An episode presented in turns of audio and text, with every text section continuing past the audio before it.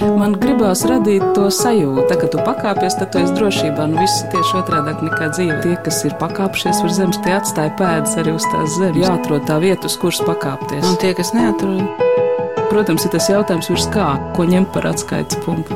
augstāk par zemi. Augstāk par zemi. Augstāk par zemi. Esiet sveicināti!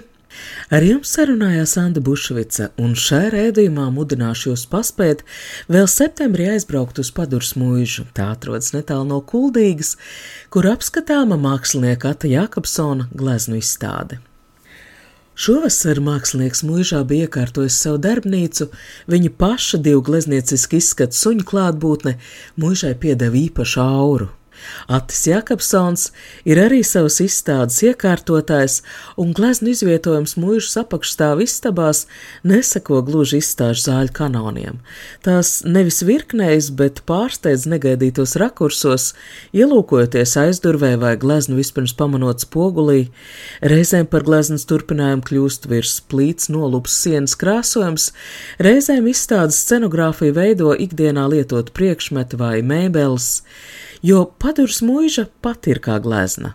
Mūžas īpašnieks Jānis Lasdāns labprāt sociālos tīklos ieliek pa bildei, kurā vai nu skats pa īpatnas formas logu vai sveču izgaismots mūžas vakars. Pirms gada padurs mūžā notika galerijas alma rīkotā laikmatīgās mākslas izstāde un dažas no sienām tā arī palikušas izkrāsotas vairāk izstādēji nekā dzīvošanai piemērotās krāsās. Nu, iepriekšējā gada izstādes mūžā aizkavējušies arī scenogrāfu Rēņu un Kristus Dzudzilo apaļie spoguļi, kas bija daļa no darba, tu man padarīji par stiklu. Spoguļu klātbūtnes mūžā mērķis pēc Dzudzilo ieceres bija atgādināt par trauslo robežu starp realitāti un domu. Šovasar tajos Ata Jakobsona gleznotās citbūtnes atkārtojas atspulgos un izskatās sevišķi iespaidīgi. Padurs mūža, manuprāt, ir izcils piemērs atvērtībai un pieejamībai. Mūža ir viesu uzņemšanas sarunu vieta, vietējās dzīves centrs, un veiksmīgi man liekas arī pat ideja, kā atrast pielietojumu šīm skaistajām senatnīgajām mūža ēkām mūsdienās, kā padurs gadījumā padarīt to par Ata Jākapsona vasaras rezidenci. Bet kā jūtas pats mākslinieks mūžas vidē? Pastāstiet, kāda bija šī jūsu vasara? Vēl vasara nav beigusies, vēl es braukšu uz paduri, jo izstāde turpinās un uh, ir vēl tur ko darīt. Tā izstāde papildinās visu laiku. Viņa papildinās, jā. Paralēli glaznoju un tad arī nomainu scenogrāfijas elementus. Tātad šai izstādē ir svarīgi arī scenogrāfijas elementi. Jā? Jā, es domāju, tas bija arī iemesls, kāpēc es izvēlējos mūžu. Tieši šo mūžu, jo šo darbu sēriju tie darbi ir tapuši jau trīs, varētu pat teikt, četru gadu laikā. Un es meklēju viņiem, es meklēju telpas, kas ir tādas uh, savā ziņā dzīvojamas. Lai tā sajūta, ka tie darbi iespējams tur jau ir bijuši jau nezinu, simts gadus vai ilgāk, es gribēju izvairīties no tās sajūtas, ka izliek darbus, galerijā ar baltām sienām, un tad pēc mēneša novāc. Kaut kā vairāk uh, integrēt viņus vidē, un manuprāt, tas ir diezgan lieliski izdevies un pa vasaru. Nu, ļoti burvīga vasara dzīve mūžā. Es domāju, ar to ierašanos tur un tas pats sākums vispār, kā teikt, iepazīties ar mūžas telpām, ar mūžas enerģiju, saprast, kur tad būs kurš darbs un kādā veidā es viņus grupēšu, jo tur to telpu ir daudz un ir iespēja veidot tādas atsevišķas zāles ar atsevišķu noskaņu un sarast ar to mūžas pašas uh, būtību un kaut kādu varbūt arī rēgainumu, ne gluži nē, bet uh, nu, apdzīvot viņu, pieradināt. Jā. Bet tas impulss nāca no Jāņa Lasdāna, vai tā bija jūsu ideja, ka tai jābūt mūžai? Tā bija mana ideja. Es kādu laiku jau meklēju mūžu, kurā es varētu izstādīt, un tad apbraukāju dažādas mūžas. Konkrēti šī mūža uzrunāja ar to savu autentiskumu, ka viņa nav vēl izremontēta, uztaisīta par tādu jau konfekti. Saskāros arī ar tādām telpām, kuras saprot, ka tur ir pāris sienas, pie kurām kaut ko drīkst kārt, un nu, ka viņas ir tādas ļoti jau ierobežojušas savā, jau savā aktībā. Un šī mūža ļoti, gan, gan saimnieks ir atvērts, un mūžas telpas arī tādas ļoti aicinošas izpausties. tādā ziņā, man liekas, tur sanāca brīnišķīga saspēle. Ko nozīmē dzīvot mūžā? Kas bija tā sajūta, varbūt, ko jūs meklējāt vai piedzīvojāt? Es domāju, primāri, primāri tikt prom no pilsētas. Tā bija viena no tām burvīgākajām pieredzēm. Pamosties klusumā, ar parku aiz loga. Un, kā jūs pieminējāt, jau manus suņus, tad man ir būtiski katru dienu iet pastaigās ar viņiem. Un pilsētā tas tomēr ir savā ziņā sarežģīti ar ielu trokšņiem un mašīnām. Un, nu, to nevarētu nosaukt par atpūtu.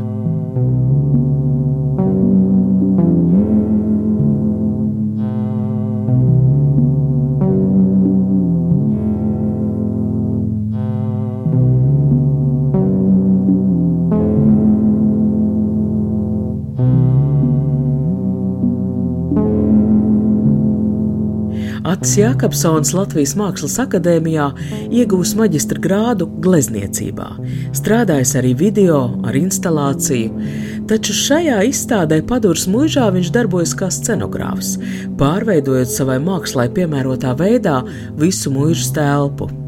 Arī šobrīd telefona sarunā jūs teicāt, ka jūs dodaties uz teātru runāt par scenogrāfiju. Jūs strādāsiet scenogrāfijā? Jā, šobrīd uh, jau scenogrāfija ir atrodas uz skatuves, un izrāde būs 9. pirmizrāde 9. septembrī. Tā kā mēs esam diezgan tuvu jau. Tad jau drīkst atklāt, kas tā ir pa izrāde. Jā, tā ir uh, Elīds Kļaviņas izrāde. Nosaukumu es tagad izkrīt no galvas. Kas tapa kā turpinājums uzņemtajai filmai par Iļu ciemu sieviešu cietumu darbu ar šīm cietumu sievietēm. Šķiet saucās, es atgriežos no tālienes. Vai, jā, jā. Kas ir tie scenogrāfijas elementi, ko jūs izmantojat šai paduras mūžas izstādē? Tā kā tas notika pavasarī, tur bija ļoti daudz ziedu. Tā kā man pašam dārza nav, tad es pie vecākiem dārzā sastādīju ļoti daudz tulpas. Un kaut kā tā, tā zieda vērošana arī ir, ir būtiska manā, manā taļradē vai, es nezinu, tādā dzīves vērojumā. Un kaut kas ļoti maģisks tajā bija. Jā, tie, tie krāšņie ziedi, ļoti daudz vāzes, ziedi. Un arī es turpinu strādāt ar audumiem. Es viņus krāsoju ar dabīgām krāsvielām un, un meklēju pareizās tonalitātes. Viņi tiek kārti pie sienām. Man svarīgi strādājot, ir, ka, ka tā telpa ir jau kā mākslas darbs. Ka tas darbs nebeidzās ar rāmjiem malām, bet kad cilvēks ienāk jau tādā atmosfērā un objekti, ko es tur izkārtoju, kā es viņus izkārtoju, tas tādas nianses, kas palīdz uzbūrt noskaņu, sajūtu. Un, jā. Bet varbūt tomēr šī nav pirmā reize, kad māksliniekam ir bijusi aprakstītā nepieciešamība veidot dialogu ar telpu, radīt vidi mākslas darbu notikšanai. Vēl viens brīnišķīgs piemērs, kā padarīt kādu ēku sabiedrībai atvērtu, iedot tai saturu un dvēseli ielaižot tajā mākslu, ir liepais karosts ūdenstornis. Inženiertehniska būve, kas savulaik apgādāja ar ūdeni visu liepājas karos ciematu, pēc mākslinieka Egona Peršēvica ierosmes nu jau trešo vasaru ir pieejama apmeklētājiem, kuriem ir iespēja apskatīt ne tikai ūdeni pumpējošās iekārtas, izbaudīt skatu no torņa augšas, bet arī, ja paveicās, satikt dzīvu mākslinieku jo katrā no torņa stāviem ir mākslinieka rezidents, un tā ir reta iespēja ielūkoties mākslinieka darbnīcā, redzēt vēl pusgatavus darbus, mākslinieka radīto kārtību uz darba galda. Ati Jakobsona darbnīca, pirms gada apmeklējot Liepājas karostas ūdens torni, pārsteidza. Un ejot cauri šiem stāviem, salīdzinot vai tur bija divi vai trīs mākslinieki darbnīcas. Jūsējā man pārsteidz ar to, ka tajā nebija neviena iesākta darba. Tajā bija tādi priekšmetu uzstādījumi, varētu teikt, scenogrāfijas elementi šo vārdu salikumu jūs lietojat šīs izstādes sakarā. Es mēģināju iejusties jūsu ādā, ka jūs vienkārši vērojat šīs klusās dabas, šos uzstādījumus. Par karostu runājot, tas tiešām bija interesanta pieredze, jo ir uzaicinājums braukt, piedalīties rezidencē un, un, un arī dzīvot turnī un strādāt. Un tad pirms nonākšanas ir kaut kādas idejas, ieceres, ko es tur varētu darīt un tā. Un ierodoties, tas ļoti mainījās kaut kā. Mm, atkal var minēt tās attiecības ar telpu, gan to torni, gan pašu torņa telpu, gan vēsturiski, gan kaut kā, es nezinu, enerģētiski, saturiski. Tieši tā arī notika. Tā vērošana, sajūšana, ko es te varu darīt, ko es te varu radīt. Uz beigām arī tapa pāris darbi, bet sākums bija vairāk strādāja ar, ar telpas atmosfēru. Pa liepājas antikvariātiem braukāja, meklēja visādas priekšmetus, arī tāda sakrāla rakstura. Objekts viens, ar ko es strādāju, bija um, ūdens trauki, ūdens, tas stikla trauks ar ūdeni. Manā uztverē bija kā tāds simbols, attīrošs um, un harmonizējošs, un ūdens kā dzīvības devējs, un tad beigās jau tas arī ir ūdens tornis. Uh, tas varbūt nebija apzināti, bet kaut kā tas tur parādījās, tās sakarības. Un es strādāju arī ar audumu. Man fascinē vienkārši krītošs, puscaurspīdīgs audums, jo manā pieredzē audums, tāds plāns, audums zīts vai kaut kas līdzīgs ir Viņš spēja notvert tās vieglās gaisa plūsmas, kas ir telpā, ko varbūt mēs nepamanām vai nu, sajūtam, bet viņas nav vizuāli redzamas.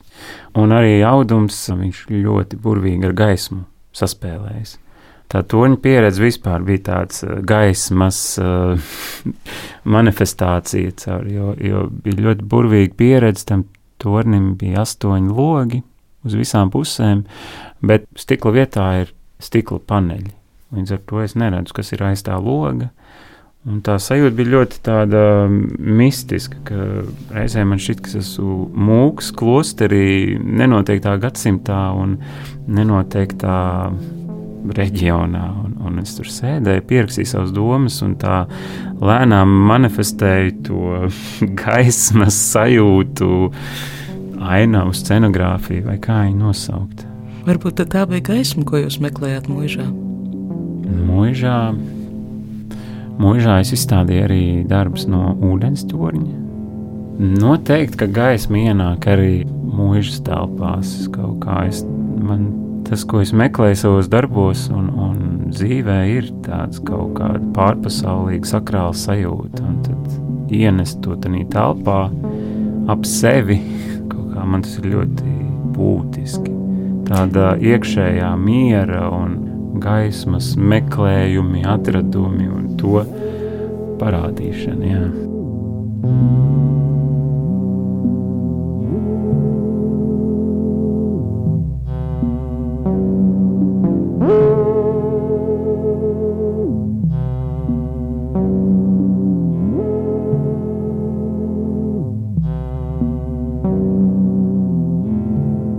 Pēdējo trīs gadu laikā mākslinieks Ats Jakobsons radījis tādu kā cilvēku un priekšmetu portretējumu dienas grāmatu, kurā ietverta skatīšanās jēga.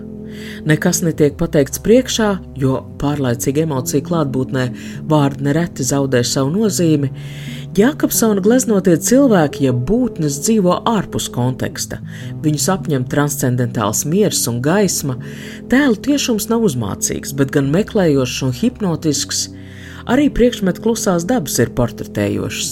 Tā teikts padurs mūžā skatāmās izstādes aprakstā.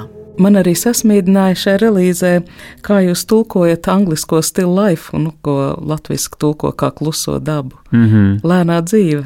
Vārdi ir uh, interpretējami, un tur jau ir viņa burvība, bet tā lēnā dzīve, klusā daba Es atgriezos jā, pie kluso dabu gleznošanas, jo tas ir manā uztverē, izpratnē kaut kas ļoti meditatīvs. Tā priekšmetu vērošana, jo tur jau atkal ir runa par gaismēnu.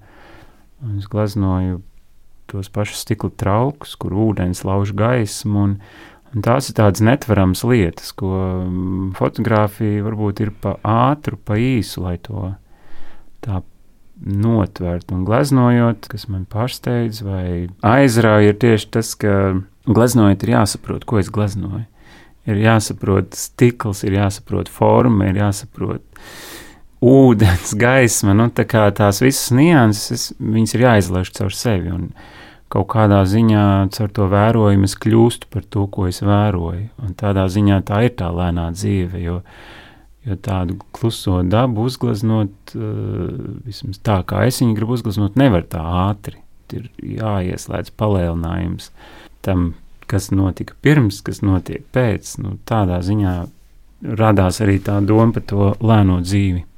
Izstādē Padurs mūžā ir gan ziedu gleznojumi, gan liepājas ūdenstornī tapušās klusās dabas, taču pamatā tie ir portreti. Izstāde jau nominēta prestižajai Purvīšu balvai, Iepriekšējo reizi Ats Jākapsons Purvīšu balvai nominēts tika par kardināli atšķirīgiem darbiem, par 2015. gada izstādi Tumšā matērija. Man arī pārsteidz, es kādu laiku nebiju sekojusi jūsu tam šim radošajam darbam. Pēdējie darbi, ko es biju redzējis, bija tie levitējošie geometriskie objekti un pēkšņi portreti, kaut kas tik ļoti pretējs. Tas ir kārtiem, ka iemet akmeni ūdenī, un tad veidojās tie apļi, un iemet vēl vienu akmeni, un vēl jauni apļi veidojās. Un viņi jau pārklājās, viņi satiekās. Un, uh, paralēli ģeometrijai notiek portrets un otrādi. Un, um, es domāju, ka savā ziņā, ja runā par melno matēriju, par ģeometriskajām figūrām, tā bija sava veida iešana prom no tādas klasiskās glezniecības un, iespējams, arī no tādas akadēmiskās izglītības. Nu, aizgāja pietiekami tālu un, un sajūta, ka ir vēlme atnākt atpakaļ. Man šķiet, ka uh, bieži runā, ka dzīvē viss notiek cikliski, ka nekas jau nebeidzās, un mēs atgriežamies kaut kur, kur mēs esam bijuši. Varbūt to var saukt par to spirāli, kas iet it kā uz augšu vai leju, bet viņa, viņa tomēr atgriežas punktos, kur mēs esam bijuši. Un, tā mīlestība pret glezniecību viņa jau nav pazudusi. Un cilvēks, mani fascinē cilvēks, jā, ļoti vienkārši kaut kā man šķiet, ka tās nianses, emocionālās nianses un arī tās fizionomiskās uh, nianses. Nu, viņas var stundām pētīt. Tie tēli, ko katrs sevī iemieso un, un, un tās pieredzes, kas parādās, tas ir ļoti. Ja es esmu mēģinājis skaidrot, tad melnā matērija iespējams bija vairāk jau tāda pārslēgšanās uz tādu ideju, lauku, un varbūt arī tāda izšaušanās kosmosā, tādi meklējumi, tādas kaut kādas lielo patiesību meklējumi. Un tad atgriešanās pie portreta ir atgriešanās pie tāda cilvēcīguma, pie tā, kas ir šeit, fiziskajā ķermenī un fiziskajā plānā. Man liekas, ka es dažus portretos attēlotos cilvēkus atpazinu. Tie bija aktieri, bet eh, tā līdzība, nu, viņi bija nojaušama drīzāk. Es nevaru apgalvot, ka tie ir viņi. Jā, visticamāk, ka jūs viņus nevarētu atpazīt, jo tie pārsvarā ir cilvēki, ko es esmu saticis savos ceļojumos. Oh, Daudz ir no Berlīnas. Nē, to nevar saukt par kļūdīšanos, jo es pieļauju, ka tie tēli ir gana universāli, ka viņos var ieraudzīt. Man, piemēram, pārsteidza, ko es saskaros. Esot mūžā, es satieku diezgan daudz cilvēku un dzirdu arī viņu komentārus, novērojums. Ir cilvēki, kam šķiet, ka tie visi ir mani pašportreti. Un es to nenoliedzu. Nu, savā ziņā tie ir vismaz. Es domāju, tas, ko mēs tur ieraugām, tas par to arī kļūst. Nu, kā, Bet šie cilvēki jums pozēja, vai jūs pēc fotografijām viņus zīmējāt, vai, vai tie ir iedomu tēli? Nu, tas ir viss nosauktais. Gan ir pozējuši, gan es uzņēmis fotogrāfijas un no bildēm glaznojis, vai arī tie ir iztēlē radīti tēli. Tā pārēja ir ļoti plūstoša. Ats Jēkabsons pats nesteidzas raksturot, kas ir šie cilvēki, kā viņš uzrunājas viņas pozēšanai. Zinātniskā žurnāla Letonika rudenī gaidāmajā numurā būs lasāms literatūras zinātnieku Kārļa Vērdiņa un Jāņa Ozoliņa raksts Urbānie mūki, Ata Jākapsona personāla izstādes portreta konteksti. Autori intervējuši mākslinieku lūdzot pastāstīt vairāk, kā atrast izstādē redzamo portretu modeļu. Kāds no šiem vīriešiem izrādās modes blogers, kas izskaidro arī no glezniecības vēstures atpazīstamo pērļu auskaru portretā. Cits uzrunājas ar savu senatnīgo izskatu, un es pieņemu, ka šai gadījumā ar senatnīgumu domāt līdzība ar kādu no mākslas vēsturē atpazīstamiem tēliem. Arī Ata Jēkabsona portretējamo sejas izteiksmēs ir kaut kas, ko varam asociēt ar kultūru vēsturi. Vai tas būtu no sakrālās mākslas atpazīstams pārpasaulīgs miers, vai barokāli pārspīlēts līdz mākslinieciskai ekspresijai novests emocijas un pozas? Tie portretējumie tie cilvēki nāk no ļoti dažādām pasaules malām.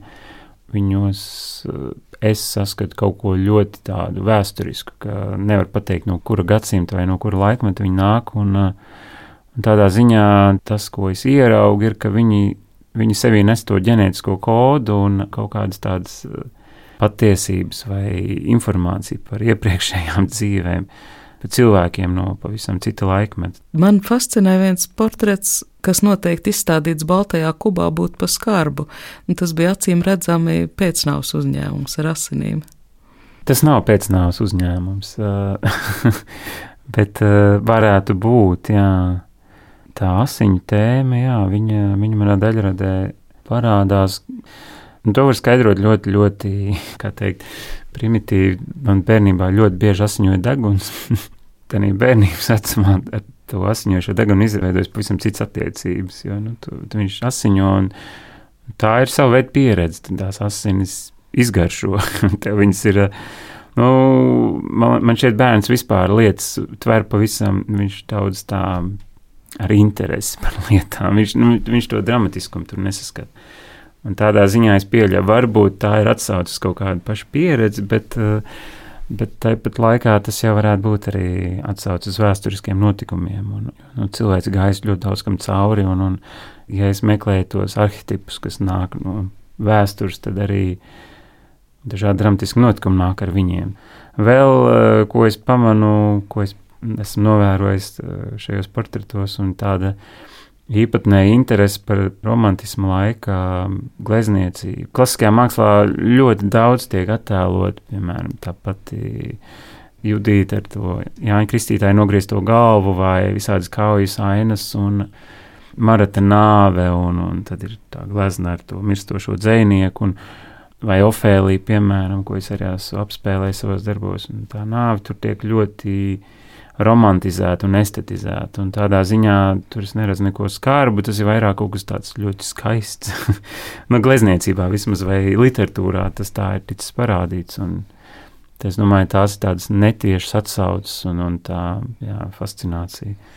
Tas ir ļoti interesants jautājums, ko savā rakstā Letonika uzstāda Kārlis Vērdiņš un Jānis Ozoliņš.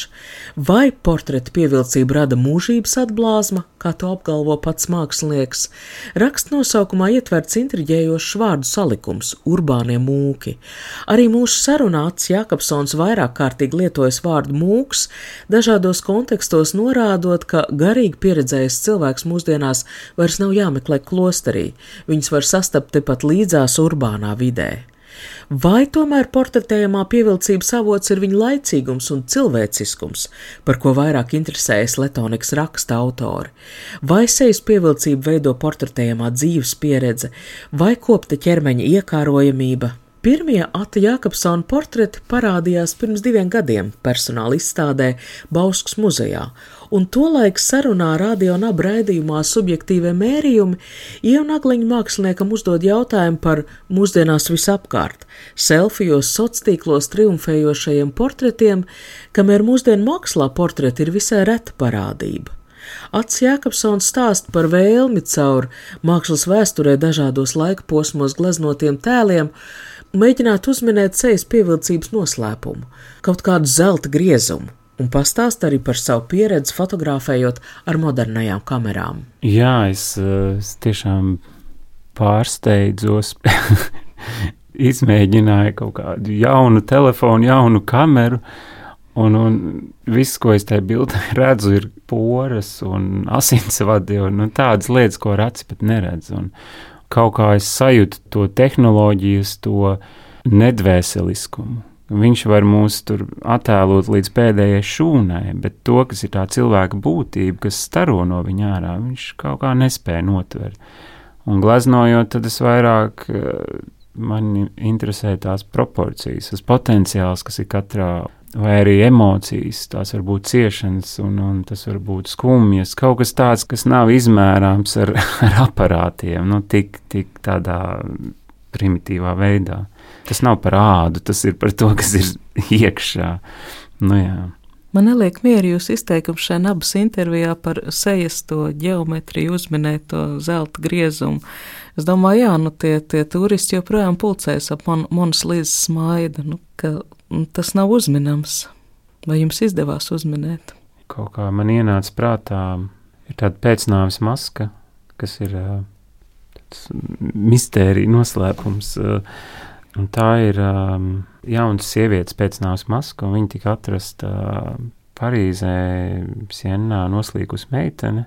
Un tad viņai tika uztaisīta pēcnāvas maska, un, un viņai ir ļoti hipnotisks miers. Viņa ir tāda ļoti skaista.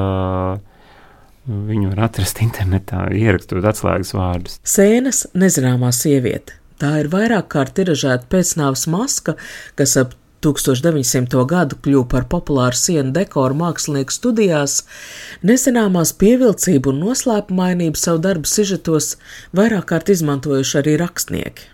Man viņa ienāca prātā, pieminot to noslēpumu, ka tur ir kaut kāda tāda dievišķa tāds skaistums, tāda mīlestība staro no tās maskas, un neviens nezina, kas viņi ir, kas tieši ar viņu ir noticis, bet uh, es domāju, ka tas varētu būt arī tas noslēpums, ka cilvēks seja izstaro, izstaro to, kas notiek cilvēkā iekšā, un tā būtība arī parādās. Es nedomāju, ka tas noslēpums ir atminams vai neatminams, bet drīzāk um, kaut kāda tāda tiekšanās uz, uz sevis pilnveidošanu vai harmonizēšanu vai nu, tāda, jā, tāda savu augstākā potenciāla satikšana ka tanī ir kaut kāda burvība. Un, un, nu, Man piemērs, ko jūs minējāt, likās tieši pretrunā jūsu teiktajam, nu, kas noslīkušā cilvēkā varētu būt par harmoniju un mīlestību.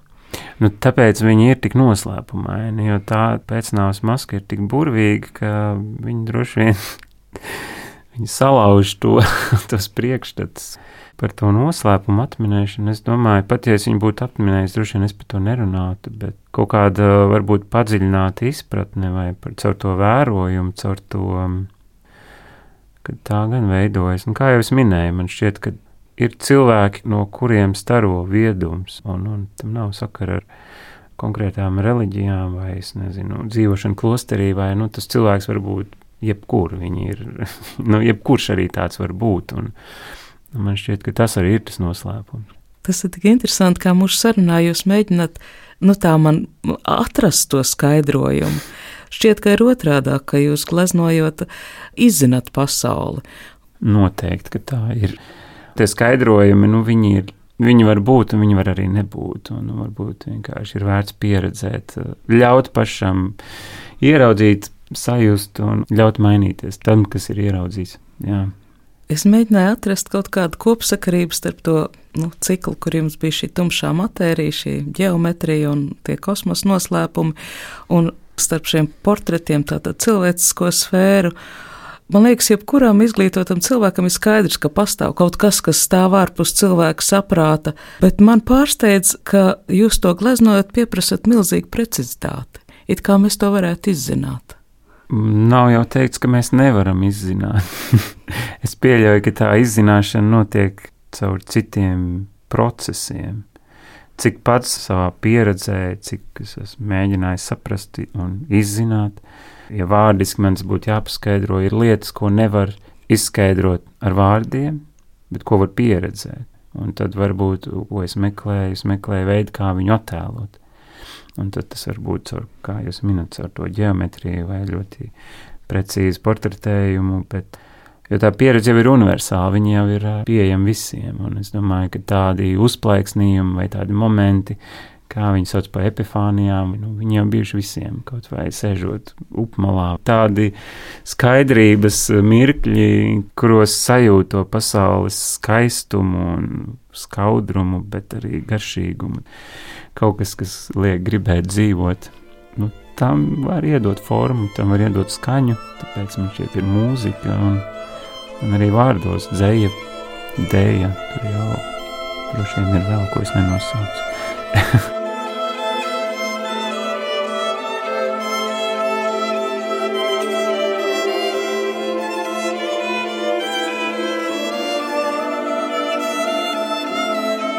Izstāde Padurs mūžā apskatāma vēl līdz 21. septembrim. Ar mākslinieku Ati Jākapsonu sarunājās Anna Bušvica, šī raidījuma skaņu operators Valds Raitums. Raidījumā skanēja mūzika, grupas nebijušu sajūta restaurācijas darbnīcas skaņdarbs, vakars aiz priekšējā stikla, kā arī fragments no Pētera Vaska līdzenuma ainavām. Tā, kad tu pakāpies, tad tu esi drošībā. Nu, viss ir tieši otrādi nekā dzīve. Tas ir tā spēle, jā? Tie, kas ir pakāpšies virs zemes, tie atstāja pēdas arī uz tās zemes. Protams, ir tas jautājums, ko ņemt par atskaites punktu. Nē, nu, principā ir skaidrs, augstāk par zemi. Jāatrod tā vieta, uz kuras pakāpties. Augstāk par zemi. Augstāk par zemi. Augstāk par zemi.